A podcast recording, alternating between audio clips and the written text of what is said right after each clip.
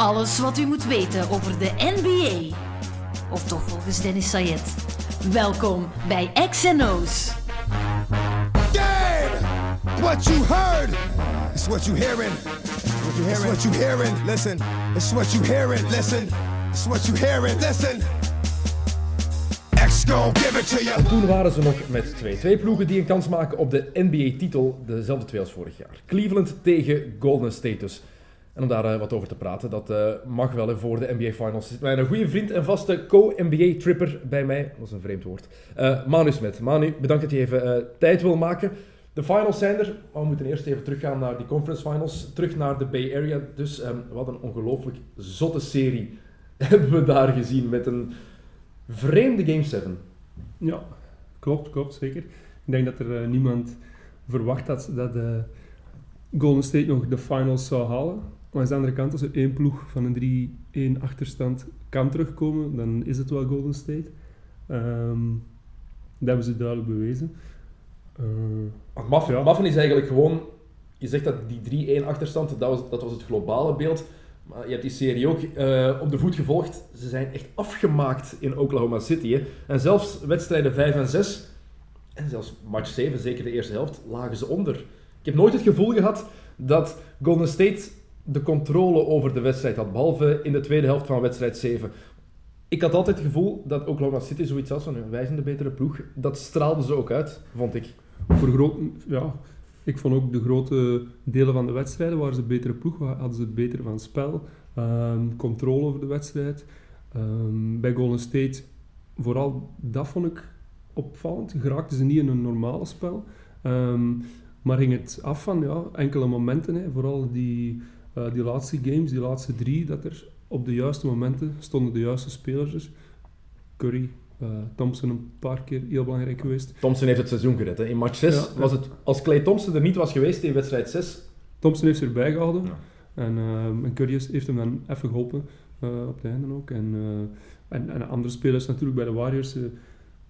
speler 1 tot en met 10, laat ons zeggen, heeft wel impact. Vooral tijdens het uh, reguliere seizoen. Maar nu ook Iguodala met zijn steals op het einde. Defense was eh, vorig jaar een beetje ehm, een rare finals MVP. Mm. Maar dat zag je nu toch wel. Zijn rol in deze ploeg is, is niet onderschatten. En zo heeft iedereen, Draymond Green, wisselvallig, heel wisselvallig, eigenlijk slecht. eh, de eerste vier matchen was hij nergens. Ja.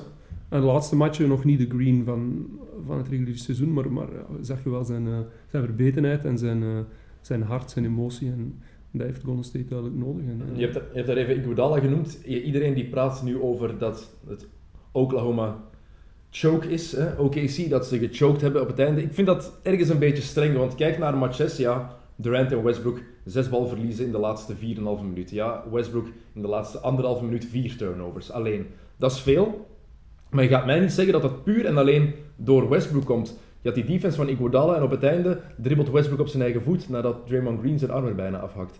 ja. Dus, dus je moet het een beetje Ja, choke, voor, mij is het gewoon, ze hebben kansen gehad om het af te maken en ze hebben het niet gedaan, dus wat dat betreft wel choke.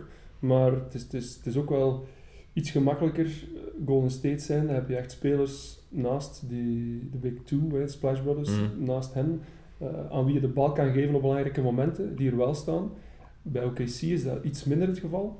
Ehm, zoals, allee, het is algemeen geweten, Robertson, super verdediger, heb ik, allee, wel, eh, stond ik wat versteld van eigenlijk, hoe goed dat hij is, verdedigend. En heel goed in de rebound ook. En goed in het rebound, echt op, op alle vlakken, behalve natuurlijk ja, in aanval heb je er niet altijd iets aan. Een, een aantal keren in de playoffs heeft hij wel zo'n zijn 10 puntjes kunnen maken. Match 6 was dat zo tegen San Antonio, dat hij Mm. drie driepunters binnengooit. En in de eerste vier matchen was, deed hij dat wel, hè, te- tegen Golden State. Dan bewoog hij zonder bal, eh dook hij in die openingen, durfde hij een shot pakken. Maar nu, in match 7, zag je dat vooral op het, in de tweede helft, krijgt hij hem, staat hij helemaal open en durft hij zelfs niet shotten. Ja, dan kan je niet op het veld staan in de playoffs. Heel Nee. simpel. Nee, het is zo. Ja, verder van dat vind ik, vind ik wel OKC. Ik ben eigenlijk geen echte fan van OKC, wel meer van, eh, van de Warriors. Maar hoe ze speelden, ze verdienden echt wel om in die finals te staan. Zeker als je San Antonio zo gemakkelijk kan uitschakelen. Ook onverwacht eigenlijk, na die eerste game waar ze echt een pandoering kregen van 30 punten, het er 40 of 50 kunnen zijn. Ehm, en dan zonder, zonder enige moeite die Spurs gewoon naar huis spelen. en hetzelfde doen, 3-1 voorkomen tegen, tegen Golden State, dan, dan verdien je volgens mij wel om in de finals te staan. Maar natuurlijk, ja, het zijn zeven wedstrijden voor iets. En eh, ik ben toch blij dat het uiteindelijk Golden State is geworden. Ja, je bent ook een Seattle Supersonics fan, moeten de mensen ook misschien weten. En Seattle fans die hebben het moeilijker altijd om OKC een beetje te aanvaarden. Het blijft hun team eigenlijk dat er niet meer is. Dus. Ehm, maar je zegt het, in, in de vorige serie tegen San Antonio, dat is vooral dankzij Kevin Durant, in, die wedstrijd 4 daar het vierde kwart alles kapot shot en 41 punten scoort en daardoor eigenlijk zijn ploeg in de playoffs houdt. En dat elan ze doorgetrokken um, tegen Golden State, meteen gaan winnen in de Oracle Arena in wedstrijd 1. Um, ehm, controversiële beslissingen, al dan niet, dat heb je heel de wedstrijd door. En je voelde dat die meer en meer vertrouwen begonnen krijgen. En dan gebeurt dit. Geef ze die serie, die voorsprong, drie en voorsprong uit handen. Ik voel mij daar wel heel slecht bij voor OKC. Ik denk echt dat dit hen lang gaat achtervolgen. Ja, dat zou eens best, uh, best kunnen. En, maar het is ook zo, ze krijgen vertrouwen. Hè. Uiteindelijk, ze verliezen die eerste wedstrijd tegen San Antonio met een groot verschil. Dus ze denken, oké, die ploeg is uit hun lood geslagen, maar ja, ze reageren goed en, en, mm. ze nemen die serie over. En ze winnen aan vertrouwen en, en ze gaan gewoon verder op dat elan tegen de Warriors. En, maar langs de andere kant, oké, Warriors beschikken nu eenmaal over een aantal ja, van de beste spelers van de wereld. En dan weet je dat je uh, nooit klaar bent. En Golden State wint op hun beurt game 5. Ja, ja. even nadenken. En dan moet er volgens mij ook iets zijn bij OKC waarvan dat zij beginnen te twijfelen of van oei, het zal toch niet waar zijn. En dan game 6 en dan zo gaat dat toch volgens mij een beetje in die hoofden spelen. Maar zelfs na wedstrijd 5, je weet dat je die verliest, maar je gaat daarna naar eigen huis. Zo'n zo'n nederlaag in game 5 is volgens mij ingecalculeerd, omdat je mhm. weet we gaan terug naar de Oracle Arena en dan maak het wel af in eigen huis. Je hebt net wedstrijden 3 en 4 gewonnen met allebei met 30 punten. Ja, maar het zag er zo naar uit dat ze het gingen afmaken. Hè. Ehm, ze, hebben, ze, hebben, ze hebben die kansen gehad en het was dan enkel, eigenlijk enkel aan Clay Thompson te ja. Dat die, maar natuurlijk, een goede Clay Thompson is, is niet te stoppen. We, we hebben hem zelf aan het werk gezien in, uh, in, Golden, in, uh, ja, in Golden State. En dat was voor mij uh, nog, nog gekker eigenlijk dan, dan Curry om live bezig te zien. Misschien natuurlijk hebben we er twee wedstrijden van gezien. maar als, als, als hij hot wordt, ja, dan, dan, dan is hij echt niet te stoppen. En, en zo'n zuivere shooter, als hij die bal één keer erdoor ziet gaan, dan, dan shot hij alles binnen. Dat was heel duidelijk, hè? want zowel in wedstrijd 6 als 7 begon hij vreselijk aan die match. Um, bal wilde niet vallen. En dan ziet hij de eerste drie punten erin gaan. En dan komt die tweede. En dan blijft hij verder gaan. De ene die hij scoort met zijn benen bijna drie meter uit elkaar aan, de, aan het logo van de middenlijn. Ja, Toen wist hij, dit is, dit is belachelijk gewoon. Ja, dat is nou met die echte shotters zo.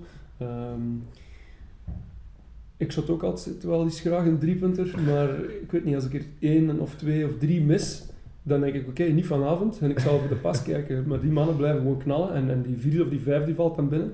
En dan scoren ze ja, drie, vier, vijf op rij. En, uh... Maar dat is ook die een rol, hè. Ze weten ook dat ze moeten blijven shotten. Bij Clay Thompson is het zo. Hij speelt en hij verdedigt en hij shot. Ja, en een slecht shot van Thompson is nog altijd beter dan een goed shot van iemand anders buiten Curry. Ja, dat is echt, ja, het is nu al bijna de tweede, op één na beste shooter aller tijden. Uh, en als jij het al kan toegeven, mm. lievelingsspeler Ray Allen. dus uh, dat zegt veel eigenlijk. Hè. Maar ik vond die zesde match heel raar, waarin Clay erin houdt. Vooral, oké, okay, Thompson houdt ze in de match, terwijl Golden State in de eerste helft echt vreselijk speelt, vond ik. Um, maar dan zie je dat OKC in de tweede helft begint te spelen op een heel andere manier. Ze beginnen behoudsgezind te spelen. Er alles aan doen om niet te verliezen. En je hebt die voorspelbare aanvallen, heb je altijd van de Thunder. Die werkte tegen Golden State. En normaal beginnen ze die na 7 seconden beginnen ze daaraan. Nu wachten ze daar 14, 15 seconden mee. Tot er nog 9 of 8 seconden op de shotklok waren. En dan begonnen ze met hun aanval. Het was veel te laat en dat heeft er echt in de problemen gebracht. Hè? Want er is één ding wat je niet mag doen. En dat is in een close game met Golden State naar het einde gaan.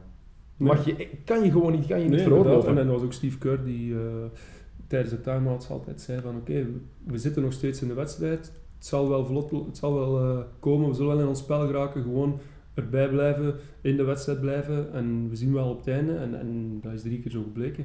Um, en inderdaad, ja, drie keer met uh, Golden State naar de, naar de finale minuten gaan en drie keer op een doos. Dus, mm. En heb je een pijnlijk einde voor OKC. Um, ehm, pijnlijk einde voor Kevin Durant, die misschien zijn laatste match heeft gespeeld in een shirt van de Thunder. Het kan, hij wordt free agent. Ik denk nog altijd dat hij blijft. Zeker na deze playoff run. Als, Ze hebben gezien dat zij de enige ploeg eigenlijk zijn voorlopig die het Golden State echt moeilijk kunnen maken. Hè. Ze hebben de lengte, ze hebben het atletisch vermogen. Ik denk niet dat er een andere ploeg is. Uh, over Cleveland gaan we, gaan we het zo meteen nog wel hebben. Maar zeker in het Westen denk ik niet dat er een andere ploeg is die het, ook, die het uh, Golden State zo moeilijk kan maken als OKC.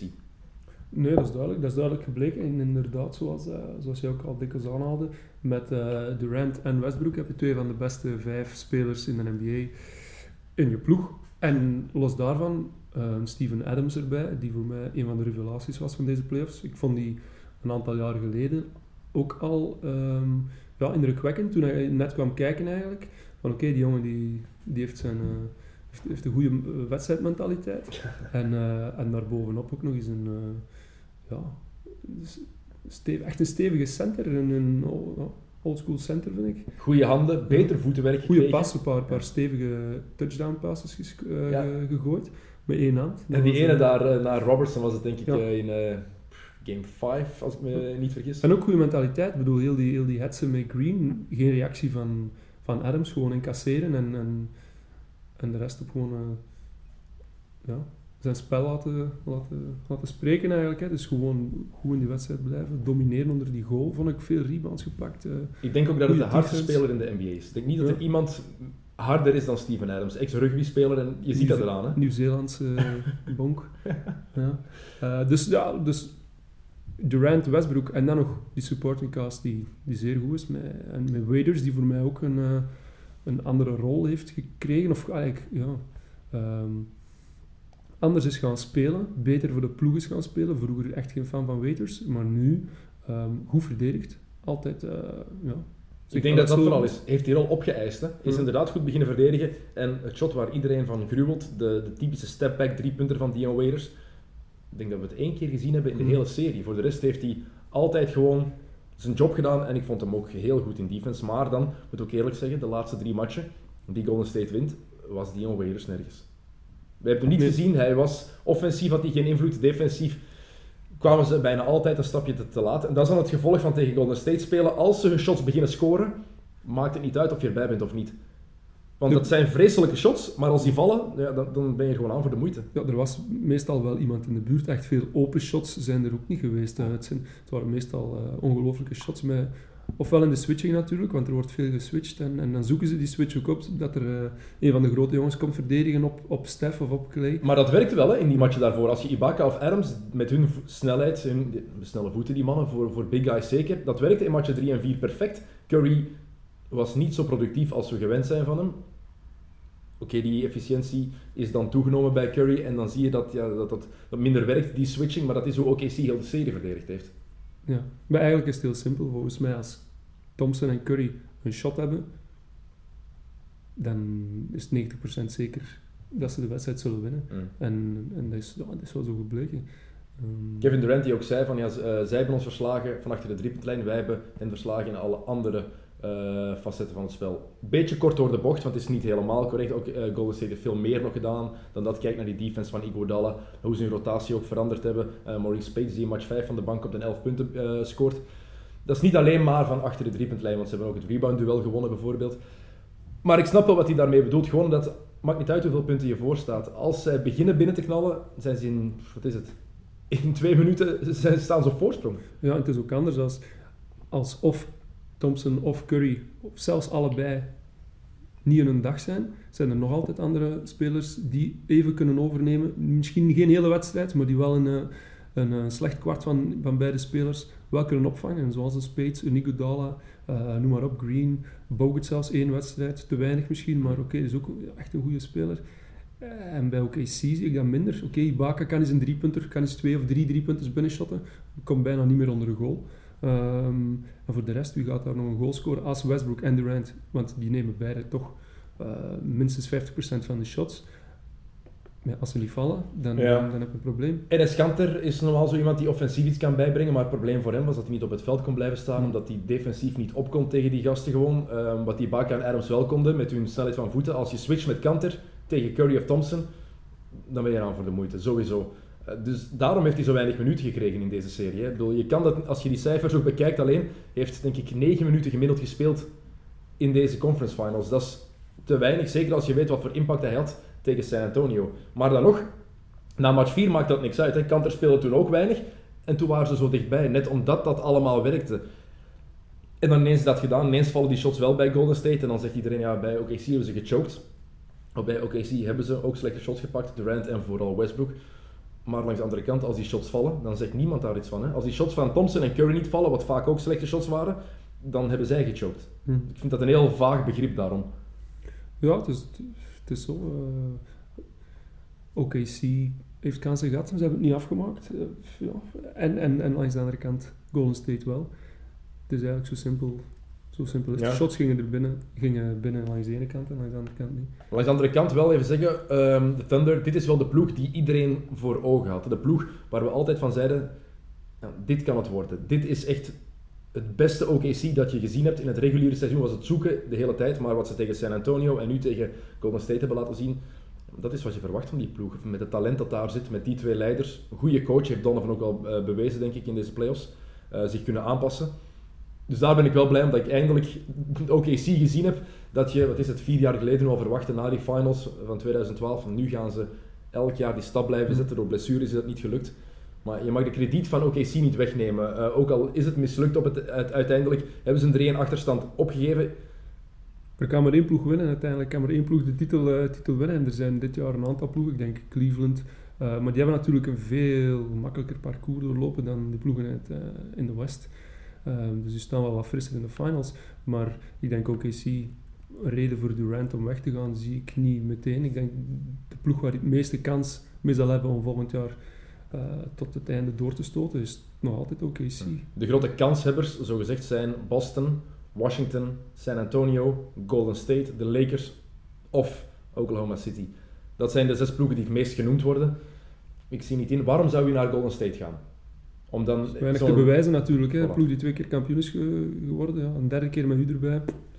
Wat is uw verdienste nog? Voilà. En dan, dan, dan is dat minder voor je legacy, wat in de States ook wel belangrijk is ergens. San Antonio, ik zie Durant daar niet meteen naartoe gaan. Ik weet, dat is een gevoel. Hm. Misschien klopt dat niet, maar ik, ik denk gewoon dat, dat, ja, dat hij daar niet... Waarom zou je gaan ook, naar San Antonio? Ze hebben daar Aldridge en Leonard. Er is daar een bepaalde cultuur. Ik denk dat hij veel liever zijn eigen cultuur mee wil blijven opbouwen. Wat hij nu gedaan heeft in OKC. Hij heeft ook voor gekozen vijf jaar geleden om daarbij te tekenen. Dus hij heeft gekozen voor die ploeg, voor die stad. Is geëngageerd in de maatschappij daar. En naar de Lakers, ja. Of, de, of de Wizards, daar... Er valt niks te winnen. Er is- valt niks te winnen. Het is een thuisstad Washington, maar dan gaat hij daar constant die druk hebben van iedereen die wil komen kijken. Alle familie en alle vrienden die nog meer van hem willen dan nu al het geval is. Het is goed voor binnen vijf jaar of zo. De Celtics, dat is eigenlijk de ploeg die ik nog het meeste kans geef. Als Celtics fan kan ik dat natuurlijk eh, enkel toejuichen. Maar, bah, wordt ook geen, eh, wordt ook geen kampioen mee, denk ik. Ik zou Nog het graag zien gebeuren, maar alhoewel, ja. Het is wel het oosten, hè? Ja, het is toch, ja, sowieso. En de Eastern Conference Finals, dat zit er wel zeker in. Ja. Maar nou, tegen Cleveland, ik weet niet. Maar waarom zou je weggaan eigenlijk ook van een ploeg die net drie keer gewonnen heeft tegen een team dat in het hele seizoen met de playoffs bij tot aan deze serie maar elf nederlagen had geleden in Golden State. Elf. Waarom zou je weg willen? Ik zou denken nu, deze nederlaag moet dienen als brandstof om wraak te nemen volgend jaar. Die revanchegevoelens die moeten bovenkomen daar. Het zou een mooi, een mooi verhaal zijn natuurlijk, hè, om dan eh, achteraf weer mooie beelden van en vorig jaar zo de drama van drie in voorsprong nog Ja. uit handen geven. Nog maar was het, 9% van de ploegen met een 3 in achterstand. Nee, nee, negen ploegen. Dus Oh, drie- negen ploegen. 3,8 procent. Maar 3,8% maar in geslaagd. dat is natuurlijk pijnlijk als je aan het andere kamp zit. Ehm, maar dan is de wraak eens zo zoet volgend seizoen. Hè. Dus inderdaad, ik denk dat hij nu in de zomer wel op eh, wraakgevoelens eh, zal branden. En dat zal wel... Ik, ik verwacht dat hij zal blijven. Ik denk het ook. Maar dat ze zover zijn geraakt, moet geen verrassing zijn eigenlijk. Ehm, twee jaar geleden, toen iedereen nog gezond was en Ibaka zelfs een blessure had, hebben ze San Antonio tot zes wedstrijden gedreven. En dat zijn de Spurs die Miami in de finale hebben afgemaakt, afgeslacht. Dus de mensen die verrast waren dat OKC voorbij San Antonio is geraakt, het is knap als je kijkt naar het reguliere seizoen. Hmm. Maar als je naar die ploeg kijkt, weet je, het zijn Durant, Ibaka en Westbrook. Je mag het wel verwachten van die mannen ook. Hè? Ja, klopt, zeker. Ehm, die twee samen, die combo, zijn van de beste combo's eh, in jaren. Eh, dus die maken altijd kans om ver door te stoten. Ik hoor het, ik denk dat Lowe was die het pas zei, Ehm goede vergelijking. Het is de meest angstaanjagende, eh, het meest angstaanjagende duo sinds Kobe en Shaq. En ik denk inderdaad dat er sinds die twee samen geen duo is geweest dat, dat indrukwekkender op het, staat op het veld. Ja, ik denk gewoon één tegen één zijn ze alle twee bijna onmogelijk om af te stoppen. Enkel foutief, Durant omdat het zo freak of nature is. Zijn uh, beweeglijkheid. Uh, hij doet alles van een normale shooting guard zelfs, maar dan is hij wel 2 meter en 10, dus je kan hem nooit aan als, als hij shot. Hij heeft dan nog een, een van de zuiverste shots van de NBA ook. Het ziet er soms niet uit, maar... Nee, maar oké, het valt... je, je, kan er niet aan. En dan Westbrook op, op snelheid, die in de versnelling nog eens versnelt. Dus enkel af te stoppen met een fout. Enkel zijn shot is niet constant genoeg. Uh, dat is jammer, want anders zou je ja, echt onstopbaar zijn. Nu, nu is denk ik met fouten af te stoppen en... Want kijk wat een verschil het maakt als hij binnengooit. Was zo in match 4, als hij, dat hij 4 op 8 driepunters... Ja, dan is hij helemaal onstopbaar. Hè? Want het probleem voor Westbrook is, uh, van alle, driepunt, alle, alle spelers die, denk ik, duizend driepunters hebben genomen, um, is hij de op 4 na slechtste aller tijden. De slechtste aller tijden is Charles Barkley. Uh, maar er zijn maar vier spelers die een slechter percentage hebben dan Russell Westbrook van achter de driepuntlijn. Dat is niet verzonnen of zo, maar dat is jammer voor hem, want als hij dat nog een klein beetje zou verbeteren, of zou kunnen verbeteren... Ik denk als Westbrook slecht is van achter de driepuntlijn, is hij echt slecht. En dan gooit hij gewoon niks binnen. En na andere wedstrijden kan hij inderdaad een goede wedstrijd is dan 4 op 8, maar die zal nooit een 4 op 4 shotten of zo. Er zijn altijd een paar bricks bij, dat je denkt van oei, hoe, hoe kan dat nu ineens? Er net twee binnen, mm. binnen shots en dan nu ineens niks raken. Dus, uh... Maar volgend jaar OKC, ik denk dat iedereen echt nog meer rekening gaat moeten houden met die ploeg. Donovan weet nu hoe hij zijn ploeg moet coachen, heeft het hele reguliere seizoen naar gezocht. Ze hebben die motivatie. Um, kijk naar San Antonio twee jaar geleden. Hè. Na die uh, nederlaag tegen Miami het jaar ervoor hadden maar één doel. Tegen Miami uitkomen in de finals. En ik denk dat OKC maar één ding wil na dit jaar. En dat is volgend jaar opnieuw Golden State tegenkomen in de playoffs. Maakt niet uit waar, zolang ze maar tegen de Warriors komen. En het kunnen goedmaken. Ja, net zoals Cleveland nu kan inderdaad in de finals. Uh. Voilà. Genoeg over deze serie. Uh, de finals zijn er, dus over de finals praten. Ja, je, je haalt het al aan. Revanchegevoelens voor Cleveland. Zeker nu ze fit zijn. Kevin Love is helemaal oké. Okay. Kyrie Irving is helemaal oké. Okay. Mm, naar ons weten toch. Waarschijnlijk zal iemand wel een pijntje hebben. Uh, logisch, we, zijn, we zitten begin juni. Hmm. Lang seizoen. 100 matchen al ongeveer gespeeld. Gaan ze die revanche kunnen pakken, denk jij? Kan Cleveland de titel winnen zonder het thuisvoordeel te hebben, wat niet onbelangrijk is? Goh, ik denk, LeBron zal er zeker staan. Altijd. LeBron staat er altijd. Hij staat voor het zesde jaar op rij in de finals, denk ik. Ik denk dat dat ongezien is, of misschien... Ja. De, de, eerste niet-Celtic.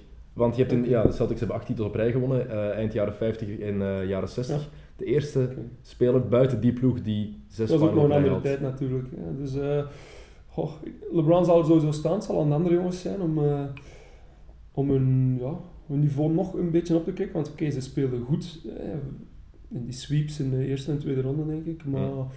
okay, tegen Toronto ook een aantal goede wedstrijden. Maar ze zijn nog niet echt uitgedaagd. Ze hebben nog niet tegen een, een, een echt sterke ploeg uh, komen te staan. Dus, dus Detroit heeft ze getest in de eerste ronde, een paar goede matchen, maar dat is Detroit. Tweede ronde uh, was Atlanta, piece of cake. En dan Toronto, ja, twee nederlagen. Maar die nederlagen, voor, voor mij persoonlijk, was het niet door de kracht van Toronto, maar veel eer omdat Cleveland gewoon defensief niet goed genoeg was. En in deze playoffs, als je de matchen gezien hebt, ja, ze hebben die met overtuigend, eh, ze hebben die overtuigend gewonnen met groot verschil, maar defensief was dat nog niet top. En ergens ook niet verwonderlijk. Hè? Kevin Love is een slechte verdediger, zelfs geen mindere, maar is gewoon slecht in defense, mm. dat is zo. En Kyrie Irving kan het soms wel. Kijk naar vorig jaar, wedstrijd 1 in de finals, was hij fantastisch tegen Stephen Curry in defense. Maar als ik heb gezien hoe hij tegen Kyle Lowry soms aan het verdedigen was, mocht hij soms blij zijn dat Lowry gewoon geen, goal kon maken met momenten. Want in de matchen 3 en 4 ja. was hij niks waard. In defense, puur in defense. Ja. En verdedigen op, uh, op een duo uh, Lowry-DeRozan is nog altijd iets anders dan een duo Curry en Thompson. En zeker Curry en Thompson die na de laatste drie wedstrijden wel uh, genoeg vertrouwen getankt zou hebben als ze het al niet uh, genoeg hadden. Dus uh, ja, dat, dat, gaat een serieuze test worden. En, ja. wat, wat doe je daarmee? Dan, ben ik, dan ben ik liever als ploeg al een aantal keer serieus getest uh, door OKC tot het uiterste gedreven. dan sta je echt op scherp. Dan Cleveland die eigenlijk freewheelend naar de finale zijn, mm. zijn gekomen. Want iedereen, iedereen praat nu over die vermoeidheid, maar die vermoeidheid is er eigenlijk niet. Hè. Ze hebben drie dagen om te rusten bij Golden State en na game 1 zijn er weer drie dagen vrij. Dus... Die mannen zijn zo'n tempo, zo'n hels tempo tijdens het seizoen ook al gewoon, dat zit gewoon eh, dat lichaam kan er tegen. Maar deze playoffs zijn ook veel rustiger dan het eh, reguliere seizoen. Soms heb je daar vier matchen in vijf avonden. Hier heb je altijd één dag rust. Altijd in de playoffs. de intensiteit is natuurlijk wel Oké. een stuk hoger. Maar donderdag game 1, zondag pas game 2. Die drie dagen, als je, je, je kan daar echt wel rust genoeg nemen. Ik denk niet dat State daarom een nadeel nee. heeft. Nee. Nee, dat is geen excuus. Maar ja, Cleveland, ik zie ze, ik zie ze niet winnen. Eh, ze hebben veel meer matchup problemen dan, dan OKC. OKC had eigenlijk geen matchup problemen. Die, die, ik wil zeggen in verdediging dan. Nee. Eh, met de Robertson die voor mij ongelooflijk eh, ja, is opgevallen in verdediging dan. Ehm, maar Je had er inderdaad altijd, een, ja. je had er altijd een goede match, zoals je zegt. Je had Robertson die op Clay kon staan. Je had daar Stephen Curry en Russell Westbrook. En Draymond Green en Serge Ibaka. En dat klopte inderdaad Mm. eh, helemaal. Nu is het anders, hè, want in defense, wat ga je doen? Wat, wat doe je met Stephen Curry? Met Stephen Curry? Laat, je die, laat je Kyrie Irving daarop staan? Zet je J.R. Smith daarop? Wat betekent dat Irving naar Thompson moet gaan? Of dat je Irving gaat verstoppen op een Barnes of Iguodala als die opnieuw mag starten? Wat doe je met, met, met Kyrie, Irving? Dat is voor mij echt een, een dilemma voor. Tyronn Lue. waarschijnlijk laten starten. En ehm, ja, ik, ik zou het zelf niet goed weten. Ik zou, hem- ik zou hem op Curry laten starten en zien hoe, hoe dat uitpakt. Maar, ehm, Want vorig jaar heeft het gewerkt, hè? Vorig Ja, jaar in game 1. ja, één hij- wedstrijd natuurlijk, ja, één wedstrijd is... eh, en daarna heeft in mijn ogen ehm Delhi, Delvedova, ook wel zijn job gedaan met zijn beperkte kwaliteiten. Maar ja, het is, het is, eh, hij irriteert, ja, hij irriteert spelers en eh, staat er neus aan neus, nog maar bij de inbounds, eh, echt uit te dagen. En, en dat kruipt ook wel, ja, dat kruipt onder de, de nagels van, van Stephen Curry, het, bloed onder zijn nagels altijd Ja. vandaan. En ik denk dat hij Delvedova opnieuw zou gebruiken als, als storende factor en, en, en een paar, paar gasten uit een spel proberen halen. Delhi speelt ook fysiek, hè. dat is wat OKC ook gedaan heeft met Curry. Als je keek, ehm, als je het vergeleek met die, die eerste match bijvoorbeeld, en dan in de loop van de serie, zeker match 3 en 4, van point switching, zoals ze het noemen, van Mm. wijzen naar je ploegmaat van pak over. Ze lieten Curry niet meer los. Hè. Constant was er iemand die Curry vast had, die, hem, die contact met hem maakte. Oké, hij maakte zijn shots in matchen eh 5, 6 en 7, maar het maakt niks uit hoe ze op hem verdedigden. Dat was hoe je, dit is hoe je op, op hem moet verdedigen, op de MVP. Je moet daar constant contact mee houden, hem laten voelen dat je, dat je hem vasthoudt, even trekken, even duwen, even tackelen zelfs half. Mm. Anders lukt het niet. Ja, en dat is wat Delvedova deed. Ja, en die switchings zullen er ook weer gaan komen. Maar in principe is dat geen probleem. Integendeel zelfs met Shumpert of J.R. Smith of zelfs LeBron, die kunnen even goed op Curry, enfin even goed, eh, even goed proberen op Curry te Ze kunnen erop geswitcht worden. Tristan Thompson, dat kan ook nog zelfs. Ja, ja. Als die, als die switch daar is, dan, Ja. dan kan dat. Hè. Steven Adams bleef ervoor. Dan kan Thompson het even goed doen als Ja, Steven Adams in mijn ogen. Ja, dat is waar. Eh, Hij kan, er, kan ervoor gaan staan en zijn armen omhoog steken. Ja, meer kan je soms ook niet doen. Hè. Nee, dat is waar. Ehm, langs de andere kant, ehm, er is nog een vijfde speler die op het veld gaat staan en genoeg op het veld gaat staan, dat is Kevin Love. En die, daar hebben ze echt een groot probleem mee. Want ik denk dat, ze, dat je Kyrie Irving nog wel kan verstoppen. Iguodala, of die nu, nu gaat starten of niet, dat is de vraag. Ik weet ook niet of dat zo verstandig is om mee te beginnen. Daar zullen we het straks nog wel heel even over hebben, maar Irving kan je zo wel op iemand even zetten. Wat doe je met Kevin Love? Je mag hem niet op Draymond Green laten starten. Nee, Green, eh, Green is eh, bijvoorbeeld top of the key. Eh, als Love moet uitkomen is hij zo voorbij. En zelfs onder een goal ook. Ja, ik denk... Love is, moet een sterke kerel zijn, maar dat laat hij nooit niet, nooit, nooit niet blijken eigenlijk. Hè. Dus, eh, laat hem wegdrummen, ik weet het niet. Blijft er wel voor, maar het is, het is echt die... die die shotblokker is het niet of zo, is wel 2 en, wat is 2 en 6? 2 en 2 en 8 denk ik. Het. Maar, ik denk dat dat nog ineens het grootste probleem is. Ik denk dat het grootste probleem is in de pick-and-roll defense. Want Green is iemand die echt post-ups zie je hem nooit doen, Nee. ook omdat hij zo klein is eh, voor een power forward. Maar in die hoge pick-and-roll met Curry, met Thompson, of als hij die bal zelf overbrengt, als Kevin Love daar tegen staat, dan wordt die pick-and-roll defense van Cleveland een ramp. Echt een ramp. En daar moet Lou dringend antwoord op vinden. Eh, gaat hij de eerste match wel moeten zoeken, maar zet je, zet je hem dan liever op Bogut als die mag starten? Nee, zeker niet. Love tegen Bogut. Wie anders? Waar, waar zit je Love anders? Je hebt geen opties. Hè? Je, kan hem niet, je kan hem niet tegen een van de Splash Brothers zetten. Dat is maar al te logisch. Je kan hem tegen, Draymond, tegen Harrison Barnes of Andre Puur, Iguodala. puur qua matchup zou, zou ik hem op de bank zetten misschien zelfs. Maar, maar dus, eh, ja, Lou spreekt nog altijd over de Big Three. met, met ja, Kyrie, LeBron en Love. Offensief kan je dat ook niet maken. Hè? Nee, je hebt Love offensief laatste- wel nodig. De laatste twee wedstrijden, de wedstrijd ervoor serieuze bloemkool aan het smijten geweest, maar eh, de laatste twee wedstrijden was zijn shot daar wel. En eh, als hij binnenshot, oké, als Love 25 punten maakt, dan kan je ook wel iets verdragen in de verdediging. Dan mag, dan mag hij ook wel af en toe iets tegenkrijgen of iets minder doen in de verdediging. En hij kan wel gewicht leggen in de rebound ook. Hè? Ja, natuurlijk staat altijd op de juiste plaats. Eh, En dat, dat wordt opnieuw een van de sleutels voor mij, net zoals in die vorige serie. Als ze de aanvallende rebound kunnen domineren, met Tristan Thompson en Kevin Love hebben ze twee top-rebounders in de ploeg, zeker aanvallend. Als ze dat kunnen doen, dan maken die defensieve fouten misschien wat minder uit, omdat je constant nieuwe possessions hebt. Als je die aanvallende rebound echt domineert, zoals OKC met momenten gedaan heeft. Ja, ik ben benieuwd of ze met Thompson en Love eh, zouden spelen. Zie jij hem zijn starting line-up wij- wijzigen nog, voor, deze, voor de finals? Goh. Die eerste match denk ik De eerste niet match niet, dus dat zal misschien een beetje eh, ja, aftasten zijn. Zien, en snel ingrijpen natuurlijk als het misloopt. Maar LeBron, ik denk LeBron op de 4 zou, zou geen slecht idee zijn. En wie, wie zit hier dan op de vijf? Want Channing Frye gaat minuten krijgen, gewoon voor het offensieve Ja. spel alleen al. Want Cleveland is offensief wel indrukwekkend. Hè? Laten we ons dat Mhm. duidelijk zeggen. Aanvallend fantastisch gespeeld in deze playoffs. Het is echt, een- echt een juggernaut hoe dat ze dat doen. Ik denk, in defense moet je LeBron op Draymond Green zetten. Ik denk dat dat de beste optie is voor Cleveland. eh, om die aanval van de Warriors een beetje in toom te houden. Ze gaan switchen, dat heeft al gewerkt. hebben ze ook laten zien. Hij heeft ook AC al bewezen. Ehm, maar als LeBron op Green staat, dat lijkt mij de enige logische, logische oplossing. Op termijn, want hij gaat niet zo starten. Nee. Ja, LeBron is in principe de beste verdediger van Cleveland.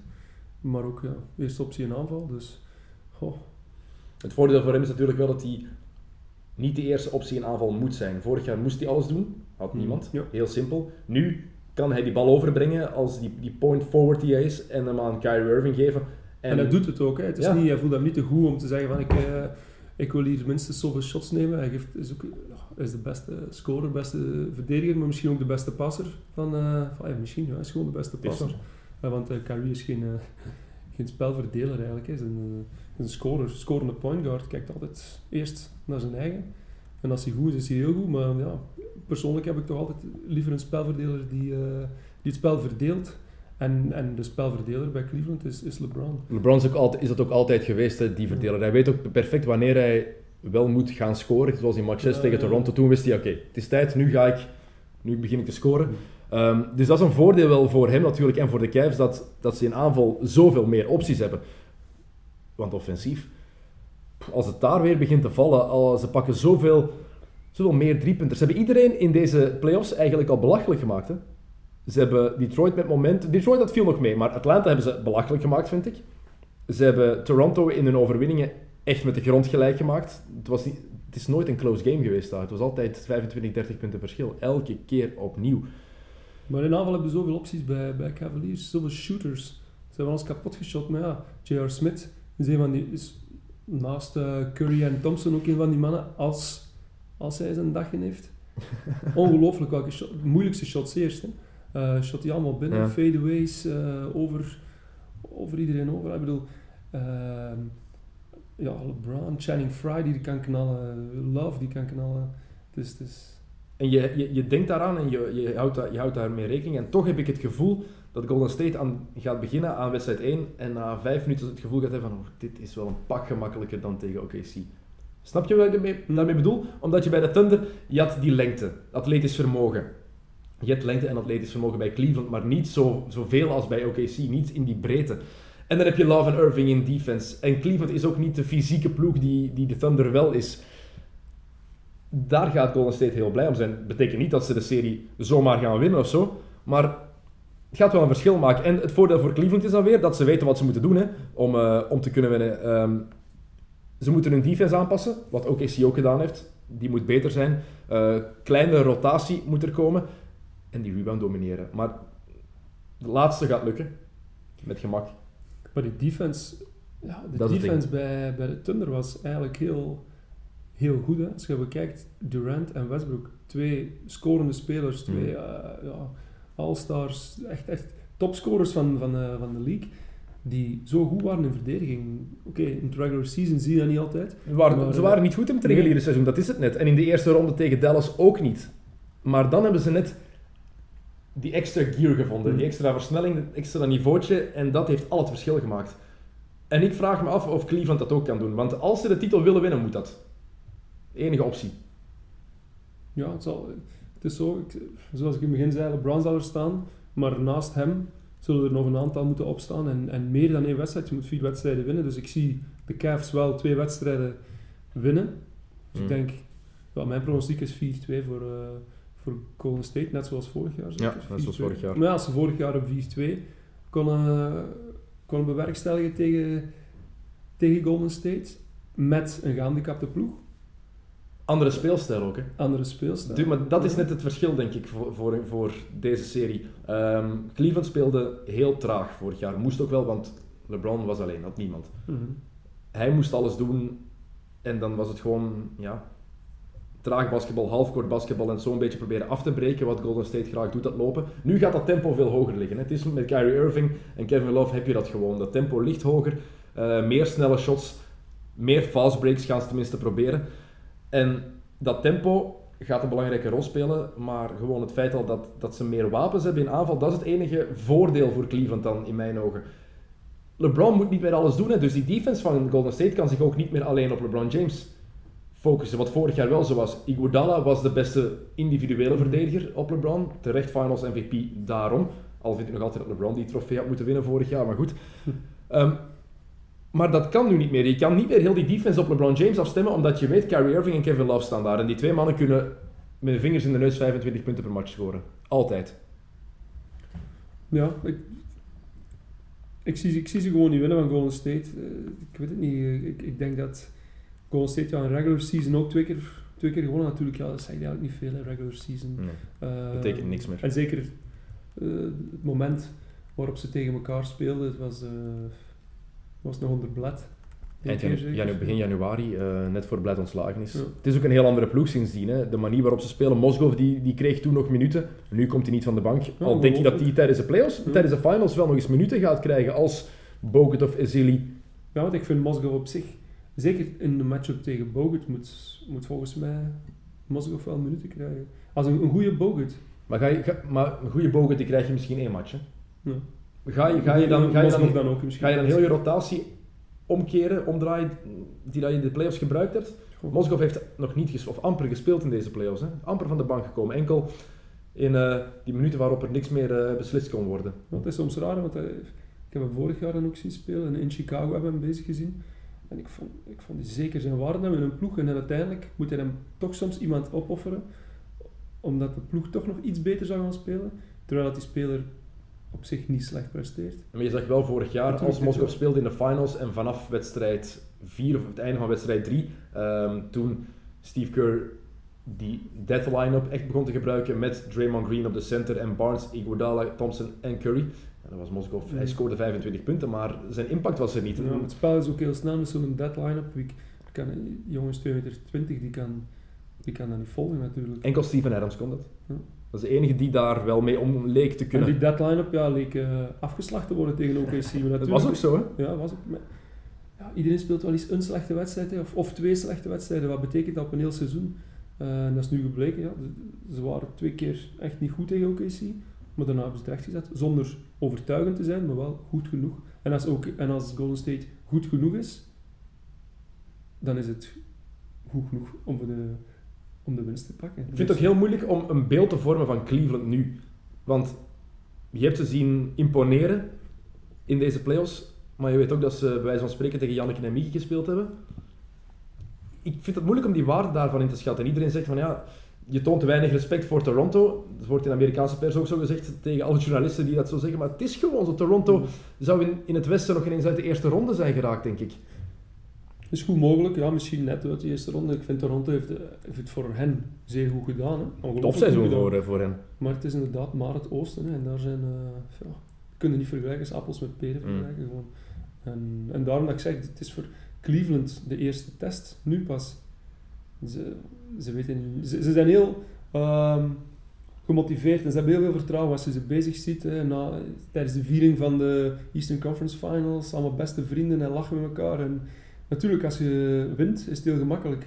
Maar als je twee keer verliest tegen Golden State en eh, je, je speelt niet je beste wedstrijd en dan zijn je dan nog de beste vrienden en is de sfeer nog altijd top. Ze hebben ook twee keer verloren tegen Toronto, hè? Of is dat nog anders, denk je, dan tegen Ja, Golden maar State? tegen Toronto wisten ze van oké, geen probleem, eh, het is maar Toronto en we pakken die sowieso eh, zonder problemen tegen Golden State.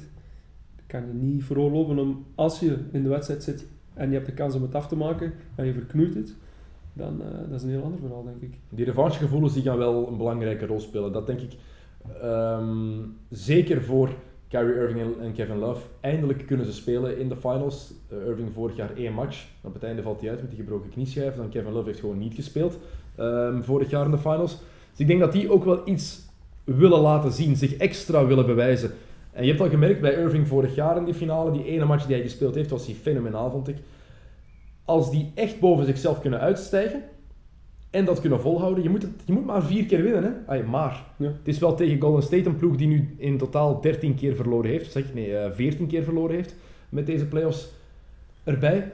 Langs de andere kant, als je in de finals niet gemotiveerd uh, bent als speler, dan, uh, dan weet ik niet wanneer je wel gemotiveerd bent. Dus die revanchegevoelens is allemaal... Maar extra mooie... motivatie helpt ja, toch wel altijd? extra motivaties. En van die verhalen uit de, uit de media en journalisten moeten, moeten ook iets kunnen schrijven natuurlijk.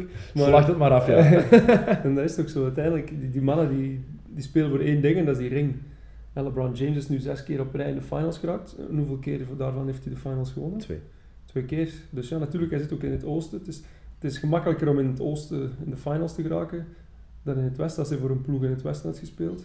Was hij nog altijd heel dichtbij geweest, denk ik. Het is ja, is dichtbij geweest, is maar, de weg naar de, naar Mhm. de finals is zoveel gemakkelijker. Hij wil gewoon zo graag die titel winnen voor Cleveland. En Dat, en dat op zich zou ik ook nog wel graag zien gebeuren. Maar ja, liefst niet tegen State. gewoon niet dit jaar bij jou. en volgend jaar mag ook AC en dan misschien daarna, maar dan is hij te oud. Dus is nu 31. Ja, ik, kan, ik kan uit ervaring spreken. Dat is, Daar kunnen we allebei. Maar hoe dat die bewaard blijft, die mens. Eh, dat vraag ik me trouwens ook af. Hè. Wat ga je doen met LeBron na al die minuten? Hoeveel minuten heeft hij al? 45.000 in zijn carrière of zo? Pff, het is belachelijk gewoon. Niemand heeft op die leeftijd ooit al zoveel gespeeld. Kan je daar offensief en defensief zoveel van blijven eisen, Tyron Lue zijn? Hij gaat het toch doen, want het is LeBron, dat weet je zo. Want ja, blijven eisen, ja, het is inderdaad, LeBron wil het zelf. Hè. Ik denk LeBron wil het liefst van al 48 minuten op het veld staan. Dus uh, komt er misschien een beetje op aan om hem, om hem tegen zichzelf wat te beschermen. En op het moment dat het kan, ja, die naar de bank te nemen. Het heeft, um, dat hebben ze bij OKC ook gedaan. Hè. Ze hebben, Donovan heeft, uh, Durant, was dat beeld tijdens de laatste wedstrijd, ook naar de bank genomen, waarop Durant zelf aangaf van ik wil spelen. Dat was duidelijk, hij wou terug op Ja. de lijn, maar toch. Een goede zaak, want daarna kwamen ze terug in de match toen Durant even gerust had. Mm -hmm. Ja, Dus- dus, die coachen weten wel waar ze mee bezig zijn, precies. Liefst, laten we dat hopen. Um, even Golden State nog snel. Wat vind jij? Moet um, Steve Kerr in match 1 meteen starten met Andre Iguodala in de basis? Of moet hij gewoon zijn, zijn vaste starting five gebruiken met, met Harrison Barnes en uh, Andrew Bogut? Maar ik zou... Ik ben ook altijd fan van uh, uitgaan van eigen krachten, eigen sterkte. En niet te veel aanpassen naar de tegenstander op voorhand. Hmm. Tijdens de wedstrijd, natuurlijk. Er kan van alles gebeuren tijdens de wedstrijd. En als je ziet dat bepaalde zaken niet vlot lopen, oké, okay, grijp dan in als coach. De wedstrijd duurt zo lang. Er zijn genoeg momenten om in te grijpen. Uh, en, en die spelers, als een Barnes, als een Bogut, zijn gewoon om te starten. En ik denk, als speler, als je dat gewoon bent, ja, dan, dan is het niet leuk om ineens op de bank verzeild te geraken. Krijg je ook ineens een, een, een tik, uh, zelfvertrouwen krijg je een knauw. Um, en langs de andere kant, Iguodala is het gewend om van de bank te komen. En als speler, als je gewoon bent om van de bank te komen, sommige spelers komen zelfs liever van de bank ja. dan dat ze starten. Nu weet ik niet in het geval van Iguodala hoe dat juist is, maar hij heeft zich er wel bij neergelegd en het heeft, het heeft dan geen wind eigenlijk. Dus um, ja, ik, ik, ik, denk ik zou me niet aanpassen. Ik zou starten met Barnes en Barnes is ook echt een heel goede speler. Enkel als je puur met Iguodala wil verdedigen op LeBron, ja dan gaan ze sowieso toch moeten doen, denk ik. Het ding is gewoon, als je Bogut op de bank laat starten, heb je minder problemen. Um, heeft hij er ook minder problemen mee dan Barnes, denk ik. Je merkt dat ook aan hoe hij reageert, hoe hij nu in de pers ook reageert. Uh, van over, uh, hij heeft de vraag al duizend keer gekregen, ga je starten of niet? Van, ja, pff, zegt hij gelaten, ja, ik weet het niet, we zullen wel zien. Wie Bogut of Iguodala? Uh, Barnes. Ah, Barnes, ah. als hij de vraag krijgt, dan reageert hij zo ja, een beetje gelaten eigenlijk. Maar Barnes is gewoon heel gelaten volgens mij. Ja, maar hij heeft, is wel iemand die dat vertrouwen nodig heeft. En Ja. ze hebben een productieve Harrison Barnes nodig. Hij moet die open driepunters binnenknallen. Hij moet af en toe naar die basket snijden en zijn atletisch vermogen gebruiken. om iets bij te brengen voor Golden State. En ze hebben dat ook nodig, want ja, vorig jaar werd heel snel duidelijk dat er maar één iemand is die een beetje op LeBron kan verdedigen. Dat is Iguodala. Al de rest, we dachten allemaal, Barnes gaat het wel kunnen, Green gaat het wel kunnen, Clay Thompson gaat het wel kunnen. Green is te traag, Clay is te klein en Barnes is te mechanisch. Iguodala Hmm. die kan die drie dingen wel combineren. Dat is de enige die ervoor kon blijven. Dus ik denk dat Iguodala dat niet lang gaat duren voor hij meteen dat hij Maar gaat mogen toch, beginnen. ja, we zouden toch eh, een, ja, minstens twee spelers op, op LeBron moeten zetten. Hè. Sowieso ja, spelers rust gunnen, maar ik denk LeBron lokt zo gemakkelijk fouten ook uit. Hmm. Krijg je het ook soms gemakkelijk mee, alhoewel. Oh, wow, vind ik, mee, vind, Ja. ik, vind ik soms tegenvallen. Dat, dat lijkt zo gewoon omdat het, omdat het zo'n beest is. Hè. het is zoals bij Blake. Griffin en Russell Westbrook. Elke keer, eigenlijk elke keer als die naar de goal gaan, als is die naar de veel gaan, contact ja, altijd. Hè. die kunnen altijd een fout meekrijgen. Het zijn play-offs, dus het fluiten niet zo gemakkelijk. Ehm, maar ik denk dat als, als Iguodala begint op, op LeBron, dat hij, dat hij misschien een probleem krijgt dat hij al snel twee fouten heeft. En dan ja, oei. Dus het zal toch een beetje schipper worden. En, maar natuurlijk, allee, vorig jaar bewezen dat, dat, dat de sleutel tot het intomen van LeBron Iguodala is. En dat zal St- Steve Kerr wel, eh, wel aan tafel hebben. Maar dubbel teamen zie ik ze wel nog niet meteen doen. Door die aanwezigheid van Love. Er zijn veel te veel goede Irving. shotters. En ehm, Ja. ja, als J.R. Smith begint binnen te shotten, als uh, Channing Frye op het terrein staat. Ja, en LeBron James dubbelteamen heeft zo'n goede pas, is zo atletisch, dus hij vindt altijd die open man.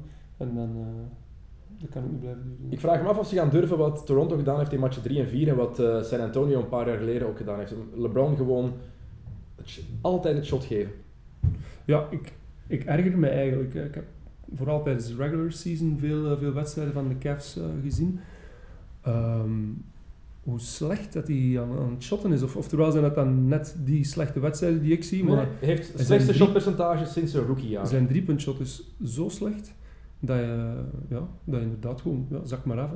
Ehm, neem het shot maar. Maar in match 6 tegen Toronto begint hij dan wel binnen te knallen. Het is en Ja, blijft een van de 10 beste spelers aller tijden, en nu al. Ja, tuurlijk. Het is altijd een beetje kiezen. Hè. Pick your poison. En uiteindelijk, bij LeBron, dan kies ik altijd ervoor om, om, om, hem eh, één of twee meter gewoon te geven. En pak het shot maar. Je kan het elke match wel proberen. Hè. En als hij zijn eerste vijf shots Tuurlijk. mist, hup, kan je blijven staan. Als hij ze begint binnen te knallen, dan ga je wat dichter. Ehm, bij Golden State gaan Clay en Steph, eh, gaan Thompson en Curry wel opnieuw hun niveau moeten halen. Ehm, vorig jaar was het niet altijd het geval in de finals. Je voelde dat ze echt wel die jitters hadden, zodat de eerste keer in die finals die zenuwen waren daar wel. Curry is losgekomen vanaf match 3 ongeveer, tweede helft. Maar als je zag tegen, tegen OKC hoe afhankelijk ze zijn van een goede Clay Thompson of een goede Steph Curry, als het niet goed draait tenminste. Het is een goed team in het geheel, maar die twee blijven van cruciaal, van cruciaal belang. Natuurlijk, en zeker op de momenten wanneer, wanneer het moeilijk is, hè, als ze echt scores nodig hebben. Ze- in principe hebben ze een ploeg waar zelfs eh, Barbosa of Livingston eh, mannen zijn die van de bank kunnen komen en, en Spades ehm, die kunnen scoren. Maar als het gewoon stroef draait, en dat is dan de verdienste van vooral een, een sterk verdedigend OKC, ehm, dan heb je mannen nodig die, die voor zichzelf uit het niets kunnen creëren. En er zijn er, maar zijn er twee die daar ongelooflijk goed in zijn. Eigenlijk eentje maar, want, Ja, Thompson ja, creëert nooit nee. over Nee, maar heeft weinig tijd nodig. Dus hij komt wel heel goed over die screens gelopen. Over één, twee screens loopt hij perfect. Voeten staan altijd juist. Eh, en die, die release is ongelooflijk snel en correct. Eh, dat je die bijna niet kan blokken. Ehm, dus maar ja, dan hebben ze één van die twee nodig, en liefst allebei, eh, die, die, ja, die een ploeg een extra, extra ademruimte geven. En ja, dat zullen ze sowieso nodig hebben. En het voordeel ook voor hen is dat die ego's zien spelen. Dat is voor beide teams trouwens het geval, heb ik de indruk toch. Dat bij, bij Cleveland hebben ze daar geen last van. J.R. Smith zijn ego is bijna helemaal weg. Ik weet niet Mm. waar dat gebleven is. Blijkbaar ligt dat nog in New York ergens. Ehm, Kevin Love is de derde viool geworden. Je hoort hem daar dit jaar niet over klagen. Iedereen weet dat het LeBron's team is. Niemand heeft daar een probleem mee. En aan de overkant bij Golden State, Draymond Green is soms wel wat lastig, is niet het juiste woord, maar hij is heel, heel verbaal, heel vocaal, altijd. Dus die wil soms wel wat meer initiatief kunnen nemen, maar hij weet ook, ja, ik speel met Stephen Curry in de ploeg. Als die begint binnen te knallen, laten doen. En dan heb je Clay Thompson, die maar al te blij is dat hij tweede viool speelt. Ja, Maakt hem perfect. Maakt hem geen reet uit, hè? Nee, Echt niks. Zijn stats zijn ongelooflijk. En, en hij is dan misschien tweede viool, alle aandacht. Het is, Stephen Curry is, is indrukwekkender, is een grote, het grote idool van alle, alle kinderen over heel de wereld. Maar eh, ja, het is om, gemakkelijker om in de schaduw van Steph eh, zelf een ongelooflijke wedstrijd te spelen dan, dan, dan zelf eh, eerste keuze te zijn. En, en die druk die er misschien wat extra bij komt, komt kijken. Ehm, en bij Green, ik vind hem soms, oké, ik weet dat, dat jij er fan van bent, van zijn, zijn expressie en, en zijn emoties op het terrein. Natuurlijk, bij mij heeft hij, ik was ook wel fan, maar een beetje afgedaan mm, na die, eh, na die, ja, eh, die fases met, Met Adams. met Adams. Ik ook. Moet, moet eerlijk toegeven, ik... ik En dan zeg je dat het niet, niet de bedoeling was, goh ja, een van de twee kan ik, kan ik inkomen, dus je doet je lay-up en, De eerste, ja. en de knie gaat omhoog. Maar eh die tweede was, was- ja, en, dan- en dan heeft hij nog een paar keer op de grond gelegen. Hè. Hey, dat, dat vind ik het vooral, vooral het vreemde eigenlijk. Draymond Green zijn mentaliteit als speler... Hij wil altijd winnen, hij is hard, hij gaat ervoor. Het is toch, eigenlijk is het een oldschool speler gewoon in de hedendaagse NBA. Daarom dat mij dat bevalt. Maar ik heb soms het gevoel dat hij zijn verstand echt verliest. Die vorige match, die fase waarin, in match 7, waarin hij Steven Adams op de grond trekt en het dan zelf ligt te janken eh, op het terrein.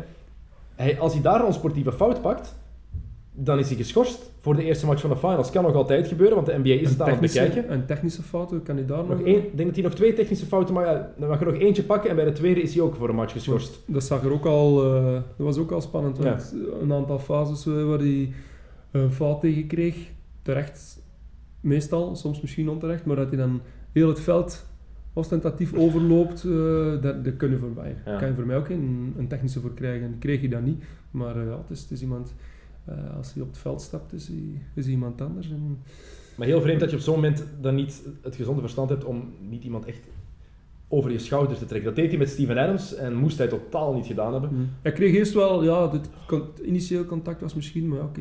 Is dat een reden? Incasseren, gewoon incasseren. Voilà. Adams zou gewoon incasseren en voor de rest niet. Of, of, of geef, geef een elleboog terug, be- eh, subtiel dan. Zoals, zoals Adams doet dat constant. Ik heb die gast nog nooit een elleboog zien geven en elke match geeft hij er tien. Dat, dat, dat is de kracht van Steven Adams. Hè. Ja. Doet dat zo subtiel en Draymond Green kan dat niet. Die moet, dat moet je altijd gezien hebben bij hij is ook hem. kleiner natuurlijk, Ja. hè. hij, heeft, hij heeft het nodig, hij moet hem Wil, misschien wil hij zich zo profileren. Ja.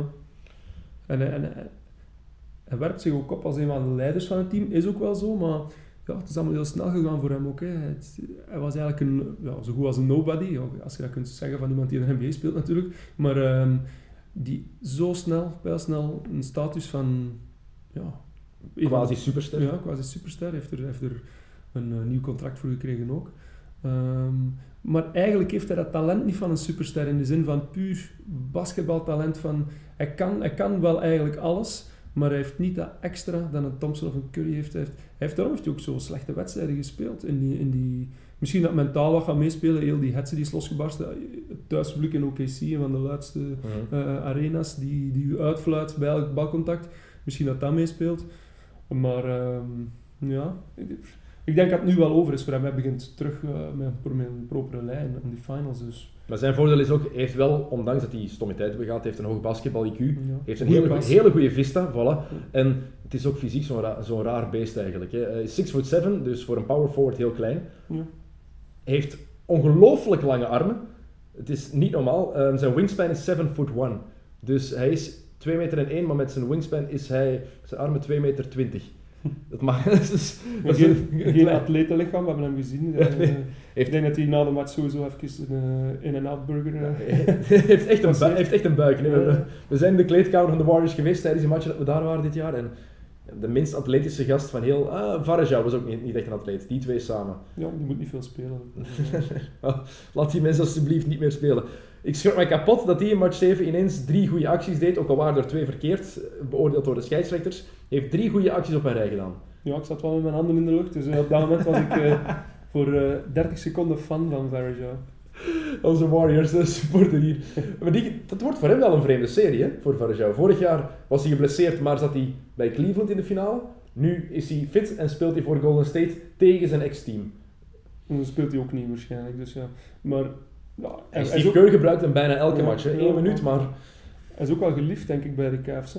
Ja. bij de spelers. Ik denk dat hij een van de meest geliefde spelers is. eh, Een van de redenen waarom. LeBron ook wou terugkomen, dat hij zo goed bevriend is met Varejao. Ehm, ja, maar hij heeft al zelf in de pers meteen gezegd, ik wist niet dat vriendschap zo kon bestaan in een ploeg, ehm, tot ik bij, bij de Warriors kwam.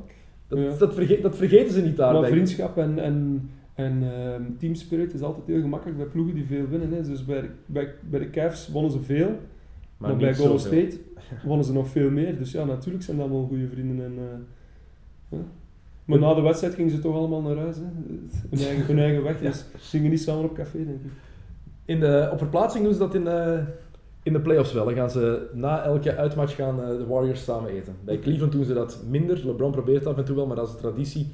Eh, elke uitmatch, de avond daarna of de avond zelf gaan ze nog eh, met de hele ploeg eten. Coachingstaf en alle spelers samen. Dat is een traditie die daar eh, gestart is. En ja, voor team chemistry werkt dat wel. Goed, we bijna afronden. Game 1. Pronostiekje, eerste wedstrijd in ehm, Oakland. Wie pakt die? Ja, Golden State sowieso. Ik denk in Oakland. OKC is er wel gaan winnen, maar voor de rest Celtics in de regular season upset.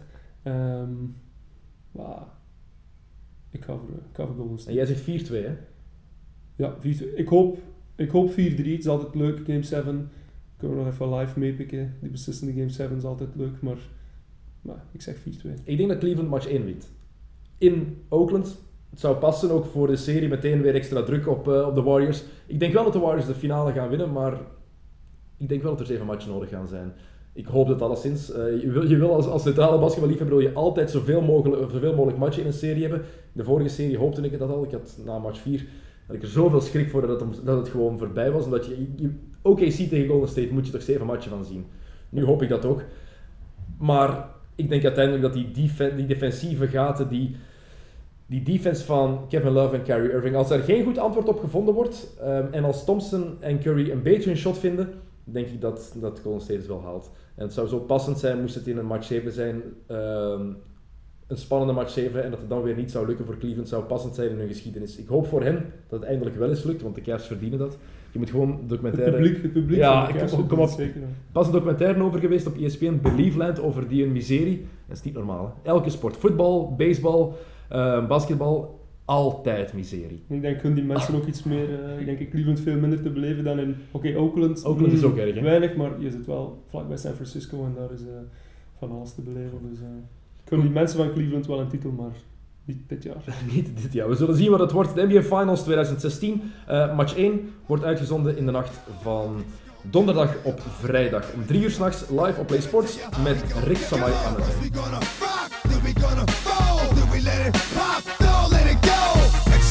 give it to ya, he gon' give it to ya. X gon' give it to ya, he gon' give it to ya.